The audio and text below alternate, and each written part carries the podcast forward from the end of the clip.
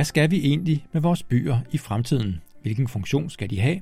Og hvordan bliver byerne endnu bedre steder for mennesker at opholde sig i, nu hvor mange under coronapandemien helt har aflært sig at bruge byen? Det ser vi nærmere på her i byens podcast, hvor vi samler op på årets folkemødedebat arrangeret af byens netværk og Instituttet for Fremtidsforskning på scenen i Altingets Gård i København. Debat. Vi skal i dag snakke om øh, byens nye formål.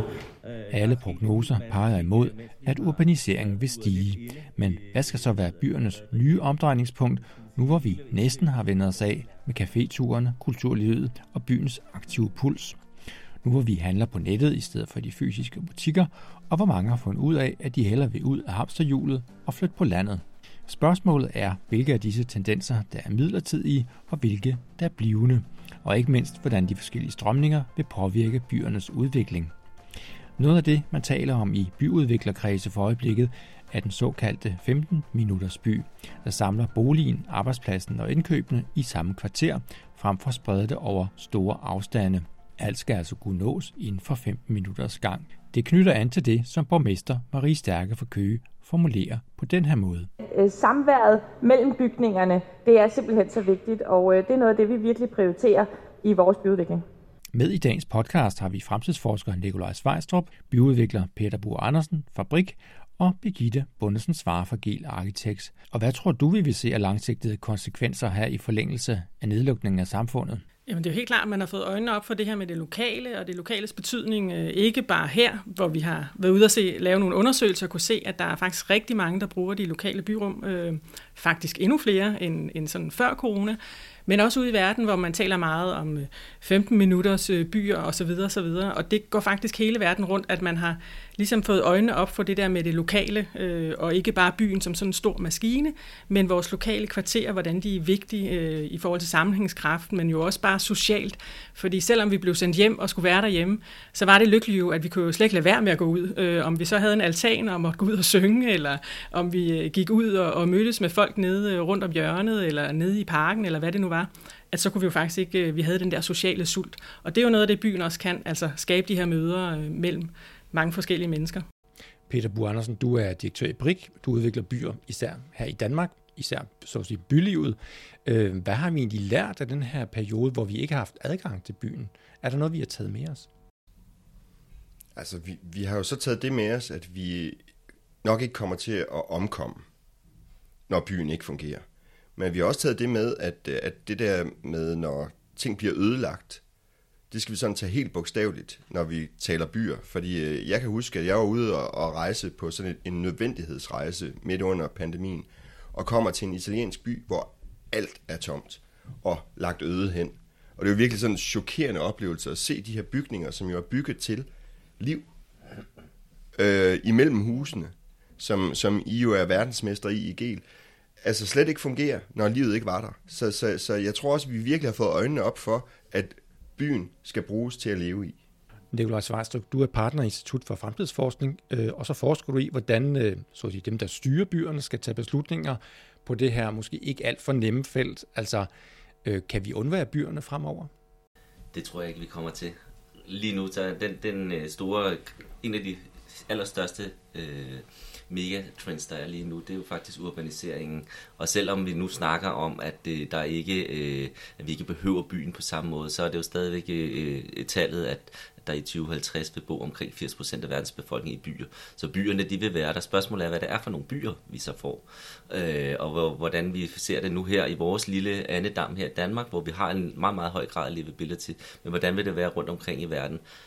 Vi har øh, store diskussioner her om vores pendling og, og, og bilerne inde i byerne osv. her, men det er jo ingenting i forhold til, hvordan det er i resten af verden. Folk commuter jo gerne i, i to timer for at komme ind i centrum, og, og så jeg, jeg tror, der kommer til at ske nogle rigtig store skift, men måske er det i virkeligheden ikke så meget her i, i vores lille land, men, men globalt set, der vil virkelig være nogle store skift øh, i, fordi folk har fundet ud af, at man, vi kan noget andet, når vi, når vi har fået vores gode kvarterer. Det kræver så også i styringen af byerne, at man jo så har de kvaliteter. Hvis du skal have en 15 minutters by, så skal du også have de ting, du skal kunne, ville gøre, købe øh, i løbet af de 15 minutter, inden for 15 minutter. Så derfor så, så kræver det jo en, en, en nytænkning af, hvordan byen er bygget op. Mm. Men lad os prøve at kigge lidt ud i verden først, før vi går hjem til Danmark igen. Altså Birgitte Bundsen svarer, I er jo sådan nogen, der arbejder netop internationalt primært. Ikke? Altså hvad er egentlig erfaringerne ude for verden, hvor altså den her urbanisering, som jo har været nu i gang i årtier, øh, som dybest set handler om fortætning. Altså, mm, corona har jo vist os, at vi måske ikke skal være så tætte med hinanden? Altså er der ved at være tendenser til, at man gerne vil gå i den modsatte retning? Altså den debat har der jo været, og jeg tror, det, øh, det er sådan en fejlslutning, hvis man tænker, øh, nu skal vi alle sammen øh, flytte på landet, eller fordi der er ligesom de der tendenser, store tendenser. Det kan godt være, at der er nogen, der gør nogle få, men i virkeligheden, så er der jo den der det store ryg fra, at vi engang var en landbrugsnation. Altså hvis man tænker, øh, nu havde vi Køge med, der boede måske 6.000 øh, for 100 år siden i Køge, og nu bor der nogen af 30.000. Altså så det er nogle, vi bor flere mennesker, men vi har faktisk også mere plads, meget mere plads. Øh, der er både 10 gange så mange øh, inde på Nørrebro herinde i København, hvor vi er nu, i, i opgangene. Øh, så, så på den måde, så kan man godt snakke om den tætte by, men vi har jo faktisk en del plads, og så skal vi måske lige blive lidt bedre til at forhandle den, øhm, og, og lige have de der snakker om soundbox og hvad det nu er. Men altså, og sådan er det jo hele tiden i byen, at man skal have de der snakker om, hvordan er vi faktisk gode naboer, at vi er meget forskellige mennesker med forskellige baggrunde osv., aldersgrupper osv. osv hvordan kan vi faktisk leve sammen. Så det har ligesom sådan forstærket det der, eller man har kunne se meget tydeligt det der med, at vi bor i en tæt by, og det betyder også rigtig meget så, at vi faktisk har sådan nogle øh, gode byrum, hvor vi kan gå ud og være, øh, også når vi skal bo tættere. Så det har man jo ligesom kunne se kvaliteten af, at så kan man faktisk godt bo i en, i en lidt mindre lejlighed, hvis man har mulighed for at gå ud og, og trække vejret, øh, og ikke skal alt for langt, men faktisk har noget lige rundt om hjørnet, eller måske endda nede i gården, eller hvor det nu er henne. Så, så i forhold til vores fællesskaber, men jo også det der med, at, at byen er rigtig mange ting. Vi har jo altid handlet, vi har øh, haft kultur i byen. Altså det er jo derfor, vi samler os, fordi vi gerne vil gøre de her ting sammen, og vi er nødt til at være fysisk sammen. Og det er jo egentlig sådan lidt paradoxalt i den her tid, men, øh, men det gør vi jo, vi samler os. Det gør de også en dag i Silicon Valley for at lave digitaliserings øh, og så videre, og så videre. Så det der med, at vi kan godt tænke, når man lige pludselig så, øh, så har vi ikke behov for at være sammen, men det gør vi jo, og selvom det er helt irrationelt, og folk pendler i timevis, så samler vi os i de her byer. Men det er helt klart, at nu, nu har vi ligesom set, jamen, der er måske også en grænse, og der er nogle ting, der sådan er lidt op til forhandling, mere øh, nogle steder end andre. Så det er jo helt klart, at man i for eksempel Kina arbejder med de her 15 minutters øh, byer, og, og også andre steder, Paris osv., og nogle steder har set nogle virkelig store konsekvenser, og også vil se det. Øh, en by som Bruxelles, hvor rigtig mange EU-kontorer lige pludselig skal lukke. Hvad skal man så? Så skal man til at genopfinde sig som by. Og det pres har vi jo ikke haft her i Danmark. Øh, men derfor kan man jo godt lade sig inspirere lidt af, at vi er blevet rystet lidt, og, og ligesom skal, skal gentænke byen, tænker jeg. Ikke? Ja. Nikolaj Svarstrup? Jamen, fordi det, det som, som jo er, nu siger du, at mange EU-kontorer skal lukke i Bruxelles, altså jeg tror, det er 800.000 øh, kvadratmeter eller andet. Det er virkelig, virkelig mange øh, øh, som genovervejer at det at have kontoret i byen. Og nu, nu er det EU, det er jo institutionerne, øh, men, men, men øh, også store virksomheder, også her i Danmark, som siger, at vi bygger ikke det hovedsæde alligevel, vi gør ikke de ting. Og som siger, jamen, hvad betyder det så? Øh, jamen det betyder i hvert fald, at folk ikke kommer til at gå på arbejde på samme måde. Øh, og hvad betyder det så? Jamen det betyder så, at man for, for, for det første jo ikke behøver at komme ind til byen, og for det andet, at jamen, så kan jeg virkelig sidde alle mulige steder og arbejde fra. Så, så jeg tror også på, at man får mange flere sådan nogle lokale stationer, så jeg er oppe i Hummelbæk har et eller andet et lille, lille sted, jeg kan gå hen og sidde og arbejde, så jeg stadigvæk får opfyldt mit øh, sociale inden for de 15 minutter, men ikke behøver at være inde på min arbejdsplads. Altså det her med, at, at så at sige, kontorerne forsvinder ud af byerne, jo ikke alle sammen, men i hvert fald nogle af dem, og dermed også suger liv ud af byerne. Altså er vi forberedt på det? Hvad tænker du, Peter Bo Andersen? Ja, men øh, jeg, jeg vil faktisk også, øh, hvad kan man sige, sætte en yderligere dimension på, for vi, vi har også et, øh, et, et, et detailhandelsliv, som er under pres, og vi forventer jo, at i løbet af de næste 5-10 år, er halvdelen af de kvadratmeter, der bliver brugt til decideret handel nu, de skal bruges formentlig på noget andet. Så, så, så det er ikke kun kontor øh, og store øh, institutioner, der flytter ud af byer. Det er også, øh, hvad kan man sige, selve detailhandlen. Så vi er, vi er under ekstrem pres, og vi skal sådan, altså relativt hurtigt retænke øh, de her funktioner. Vi skal måske også lade være med at se på byen som sådan den her, øh, hvad kan man sige, øh, øh, enstrenget dimension. Altså byrum, hvad er et byrum egentlig for en størrelse i, i, i Danmark, og sådan i arkitektsproget er det jo en plads ofte. Øh, men i virkeligheden så er byrummet jo også alt det, der foregår inde i selve bygningerne, i stueplanet. Så hvad, hvordan er det, de der hvad man sige, sammenhænge er?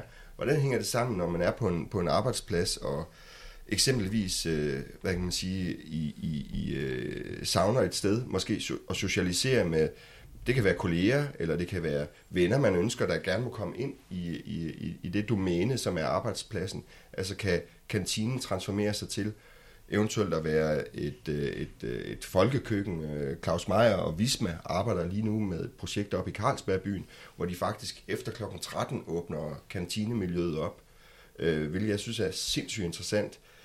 E- eller omvendt, at en skole, når den lukker, har sine idrætsfaciliteter frit tilgængeligt for, for os andre. Så sådan nogle elementer, tror jeg, sådan, den der sådan, hvad man siger, øh, flerfunktionelle brug af ting, Altså et af eksemplerne ud fra det virkelige liv, det er jo Køge, hvor de så de klarede sig bedre igennem, fordi bymidten var åben her under øh, coronaen. Altså hvis de havde haft et center, så har den jo også været, været underlagt den her centerlukningslov, Det gjorde, at handelslivet ville have været lagt helt død. Vi skal lige høre, hvad borgmester Marie Stærke fra Køge siger. Øh, vi er en bymidte uden et, øh, et storcenter, mm. og derfor så var vi nogle af dem, der havde åbent øh, længst i under pandemien, og også åbnet øh, først i ved genåbningen. Og det understreger jo ligesom det, der også bliver sagt fra, fra salen, det her med, at hvor vigtigt bymidten er, og hvor vigtigt vores lokale butikker er. Og det har bare understreget, hvor vigtigt det er, at vi fortsat har det. Ikke et stort center. Er hemmeligheden bag sådan et stærkt bymiljø, at man har så mange funktioner som muligt i sådan en fortættet form? Altså sådan som en by som Køge er udformet. Handler det om at, at gøre tingene endnu tættere, så at sige, for at få en by, som er attraktiv også? Jamen, jamen det gør det. Altså det, byfortætning er, er rigtig vigtigt, og Køge har jo, har jo rigtig mange gode eksempler. Der er det her med, at de ikke har lagt et center, men så faktisk er det jo øh, meget langt i omdannelsen af hele øh, deres øh, store gamle industrihavn i det projekt, der hedder Køge Kyst, øh, som jo gør, at at øh, man tænker en hel masse nye visioner og værdier ind, men alligevel, når du snakker med Marie, så, øh, så kan man høre om, hvor mange værdier de har lagt ind i det, og prøver at, at, at bringe bymidten og, og hvad hedder det, altså den gamle bymidte og så det nye projekt meget tæt sammen, og at de investorer, som hun snakker om, ikke får lov til bare at, øh, at, at handle, men de rent byråd faktisk står, står meget fast på deres øh, værdier i forhold til at skabe en social by. Så det sociale, bliver det midtpunktet for, for mange af de så at sige, udviklingstræk, man kommer til at se fremover? Altså at vi, vi er ikke tvunget til at mødes, men vi skal jo mødes alligevel. Det sociale, men jo også det, de gør godt, er også den lille skala, og det er lokalt forankret. Altså det er ikke, når man er i Køge, så er det også et særligt sted, og man kan faktisk mærke de der kvaliteter, at man har taget stedets kvaliteter seriøst. Man kan mærke, at der er nogle øh, Øh, mennesker øh, inde i de her butikker, altså som virkelig, øh, og der er et kulturliv, og jeg synes, det hele spiller godt sammen, og også det rekreative og ned omkring kysten. Og, altså man bruger ligesom de kvaliteter lokalt, man har, også så det ikke bare bliver ligesom alt muligt andet, øh, så det ikke bliver ligegyldigt. Og det tænker jeg, det er jo noget af det, vi skal blive endnu bedre til, og så man også kan se, at det er der, hvor man også har kærligheden, altså de der steder, man faktisk gerne har vil støtte under corona øh, i sit kvarter, fordi at de betyder faktisk noget. Jeg vil gerne have, at de er der. Øhm, og jeg tænker, det er jo en, en tendens, vi har set i mange år ude i landsbyerne, hvor der er jo folk, der virkelig kæmper med, med næb og klør, og ikke får den helt store hjælp overhovedet fra, fra kommunerne nødvendigvis, men ved, at hvis vi skal have en, øh, en, en god by her, eller en god landsby, jamen så er vi nødt til at kæmpe for skolen, vi er nødt til at kæmpe for købmanden, altså de der dagligdags mødesteder, men som jo faktisk betyder rigtig, rigtig meget, og så måske det lille særlige sted, som, som virkelig gør det her til noget, noget specielt, om det er så et folkekøkken, eller noget andet, eller kron, man har købt sammen, eller hvad det nu kan være. Men de der steder, der kan gøre en kæmpe forskel, øh, idrætsforeninger osv., osv., det der liv, der ligesom samler os, øh, så jeg tænker, det kan også være kulturelle institutioner, men, men at man ligesom går sammen og ikke heller bare forventer, at kommunen kommer nok at klare det hele. Sådan bliver det nok heller ikke i fremtiden, så at vi er nødt til ligesom at, at tænke det på ny, og også gøre lidt op med den måde, vi ligesom øh, planlægger på, at det måske nogle gange er sådan lidt stift, om her skal være butikker. Altså, at vi bliver nødt til lige at, at ryste posen lidt. Det her det har jo tydeligt vist os øh, at gøre op med de der sådan lidt stive og langsommelige planlægningssystemer, fordi ellers så, så kan vi altså ikke reagere på det, der sker ude i verden. Øh, ja tror du I, at foreningerne så at sige, skal være måske de nye drivkræfter? Øh, fordi foreninger, det er jo måske der, hvor vi, hvor vi så at sige, mødes bag, blandt ligesindede, men måske også der, hvor vi finder ud af, at det er der, vi kan, kan løfte noget. Kontakt kommunen, øh, altså lave det her udadvendte mødested. Altså, hvad tænker du, Peter Bo Andersen? Jamen, jeg, jeg tænker, at foreningerne kommer til at spille en kæmpe rolle i øh, de her 15 minutters byer. Altså, vi har så mange forskellige artede interesser, alt fra at cykle, løbe, øh, sanke, øh, øh, håndgærning. Altså vi, vi, vi, vi har så mange forskellige arter interesser, og det der med at have nogle faciliteter, hvor, hvor, hvor vi med forskellige interesser kan mødes, øh, og, og, og så måske også tilfældigt komme til at debattere nogle ting, eller øh, holde lidt om hinanden, øh, på trods af, at man måske har øh, en forskellig art interesse, tror jeg er rigtig interessant. Noget andet, jeg faktisk synes er, er sindssygt interessant i forhold til den der Køge-diskussion, fordi jeg har jo ikke haft den, det her, hvad kan man sige, center øh, uden for Køge, men noget af det, som man peger på, er jo faktisk de steder, hvor der er sådan nogle centre, har man lagt centre infrastrukturelt, øh, hvad kan man sige, øh, strategisk rigtigt. Og det vil sige, det er måske der, at der i fremtiden vil være størst potentiale for byudvikling. Altså en blandet by er jo ikke kun et fænomen for den eksisterende by. Der er jo masser af eksempler på, altså nu skal Ballerup Kommune skal bygge Kildedal, som, som, som, som i sig selv bliver en by, med alle de funktioner, en by nu skal have. Øh, og øh, hvad hedder det, flere sådan af de her store retailparker rundt omkring i verden, de sidder og kigger på, hvordan laver vi en blandet by ud af big box retail. Så der er, der er simpelthen så mange indikationer på, at, at vi har brug for byen, men det ikke behøver nødvendigvis at være en by i sådan en helt traditionel øh, forstand, øh, vi, skal, vi skal se på i fremtiden. Så, så der, der er rigtig mange interessante aspekter, både for, for foreninger, men også for detaljhandelslivet og for altså sådan, de muligheder, der, der, der, der ligger i sådan byudvikling som overskrift. En, en af de ting, som vi i virkeligheden også skal diskutere, det er, at, lige nu, det er jo dem, der øh, der betaler, der får lov til at styre rigtig meget. Men faktisk har vi jo allerede bygget rigtig meget, så, så hvis vi nu også lige skal hive lidt klima ind i det, så skal vi faktisk genanvende og gentænke den måde, alle de kvadratmeter, vi har bygget, hvordan kan vi gøre det på, genanvende det på, på nye måder, ikke? Øh, fordi vi står over for nogle helt andre mål, jo, som også er, er store. Når vi snakker fremtiden øh, for byerne her, så er der jo nogle andre kriser, som står lige foran os, som også kommer til at påvirke rigtig, rigtig meget. Klimakrisen, en teknologiudvikling, jeg går også og snakker om, den næste pandemi er ikke en, en sundhedspandemi, men en, måske en teknologisk. Tænk nu, hvis vi ikke havde strøm. Øh, tænk nu, hvis vores, øh, vi ikke kunne sidde her øh, og podcaste, vi faktisk bare måtte snakke sammen, uden at, at have det her. Så nogle perspektiver kan man jo, kan man jo frygte eller, eller tænke gode ting om. Der kommer masser af ting, og vi kommer til at, at, at transformere byerne på, på en helt anden måde. Og det er jo det, der nogle gange kan gøre, at man kan tænke, det er virkelig, virkelig komplekst det her, ikke? fordi som du siger, der er klimakrisen, og vi står midt i den, ikke? og vi skal handle nu, og vi har digitalisering, der øh, gør det under pres osv. Vi har rigtig mange forskellige, og så har vi også sundhed, som, hvor vi jo faktisk også skal gøre noget, og hvor vi kan gøre noget i vores byer også. Og der har vi måske indtil nu haft sådan øh, meget fokus på øh, øh, aktiv mobilitet, er der flere, der kan cykle, er der flere, der kan gå, jamen så er det godt for os sådan fysisk og så videre. Ret mange går rundt med en skridttæller på telefonen efterhånden eller et eller andet, og har man nu fået 10.000 og alt det der. Så, så der er ligesom sådan nogle øh, trends i gang i forhold til det aktive, men så er vi jo også blevet mere opmærksom på i den her periode vores øh, mentale helbred i virkeligheden. Altså hvordan har vi det? Nogle har haft det fint med at sidde hjemme i kælderen, andre har haft det frygteligt. Øh, nogle har virkelig haft trang til at komme ud i naturen, andre har slet altså haft trang til at komme til en koncert. Altså, og sådan er vi jo meget forskellige i virkeligheden. Og hvis vi kunne blive lidt bedre til hele den der forskellighed i virkeligheden, mangfoldigheden, altså så kunne vi også få nogle mere levende byer. Altså, og der har vi måske haft nogle lidt for standardiserede øh, formler, som vi ligesom har spyttet ud i vores byer. Men i virkeligheden så er det jo det der med, hvad vil vi, hvad er vores vision, og hvordan kan vi skubbe til os, os selv, så vi ligesom kommer videre på, på alle de her ting, som vi skal, øh, men så det også bliver en god oplevelse. Altså. Hvad tænker du, Nikolaj Svarstrup? Altså, er vi øh, på sporet også, når vi ser altså, bæredygtighedsdagsordenen og byudvikling, altså, når, vi, når vi kigger rundt i Danmark for eksempel? Altså, øh, er man begyndt at tænke de tanker så at sige, dybt nok, øh, så man faktisk også tager beslutninger? Nej, det synes jeg ikke. Jeg har sådan en, en grundlæggende tanke om, at øh, vores, den måde, vi tænker bæredygtigt på øh, lige nu, øh, den er i virkeligheden ikke god nok. Øh, lige nu prøver vi, og øh, vi snakker rigtig meget cirkularitet, øh, men, men faktisk mange af de initiativer, vi har lige nu, de reparerer på det lineære. Øh, vi har en øh, 70% reduktionsmålsætning af CO2 for eksempel. Jeg ved godt, at vi skal have øh, en endelig målsætning af 0, men alle de ting, vi går og arbejder på nu for at nedbringe, det er i virkeligheden at prøve at reparere på noget af det, som, som er dårligt, og så skal det ligesom være mindre dårligt. Min tanke er, at vi skal over og tænke i, at alle de løsninger, vi skal finde på fra nu af, det skal være noget, der gør godt, og noget, som gør i plus. Der er mange, der arbejder med det, men slet ikke øh, nok.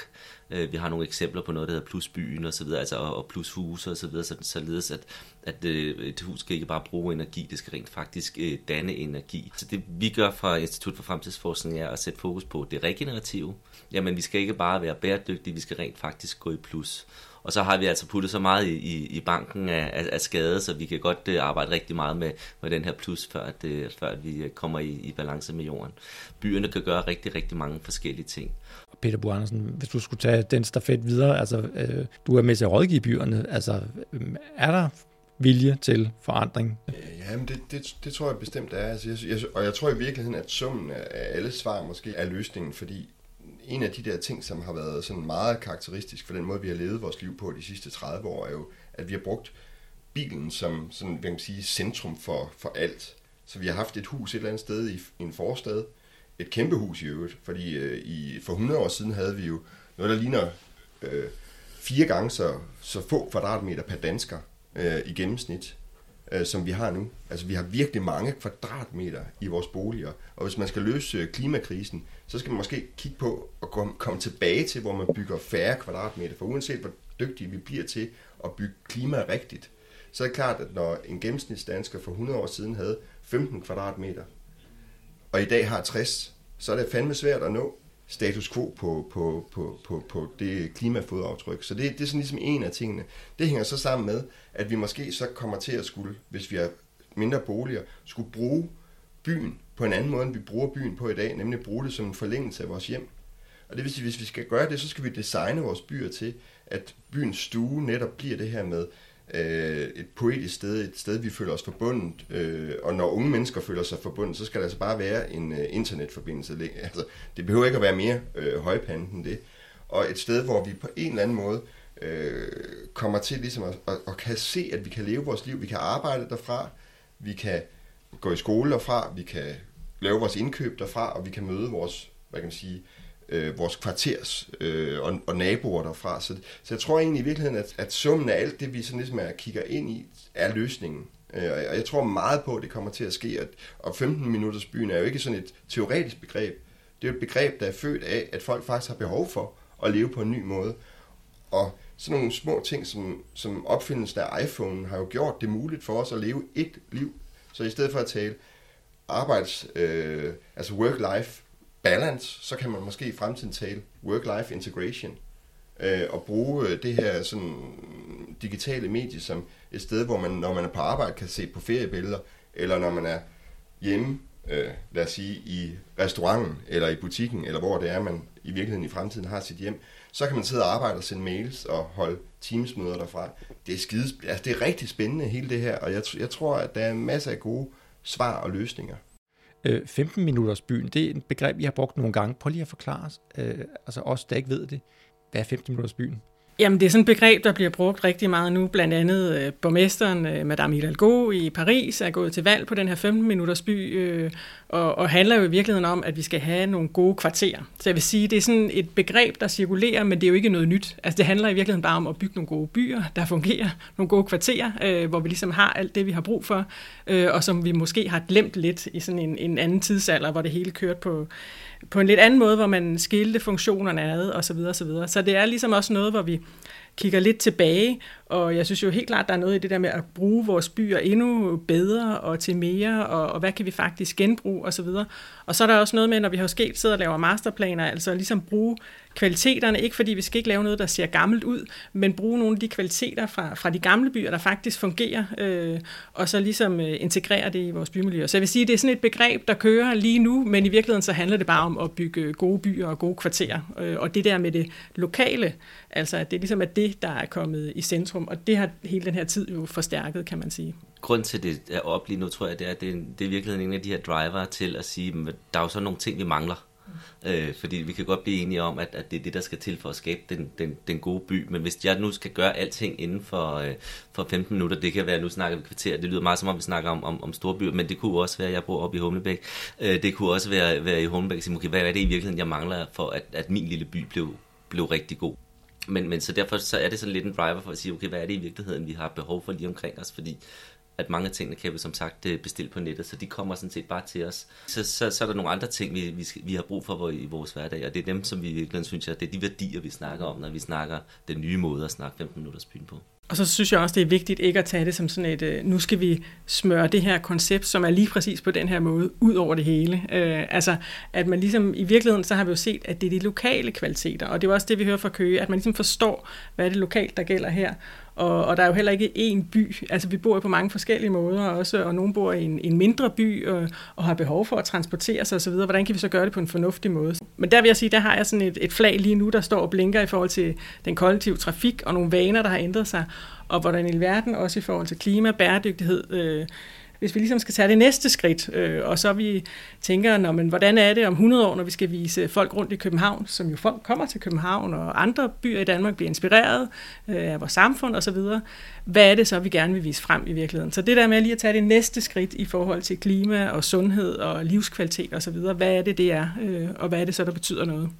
En af de der ting, jeg tror er meget positivt også lige i øjeblikket, det er jo, at øh, hvad kan man sige, ejendoms udviklingsbranchen har jo fået øje på det her med, at det ikke nok bare at købe en mursten og så sælge den 10 år efter, men man er faktisk også nødt til at udvikle hvad kan man sige, det byggeri, som, som, som man har, og det, det er jo alt fra NREP, øh, PFA, Pension Danmark, øh, Carlsbergbyen, øh, By og Havn, er jo, altså, de kigger jo alle sammen på, hvordan de, de kan være med til at udvikle på den gode måde de mursten, som, som de ejer. Det, det, det, det tror jeg faktisk er et globalt fænomen, som også på en eller anden måde giver lidt håb for, at, at vi får gode byer i, øh, i fremtiden, og ikke kun byer, der er, sådan er betinget af et afkast.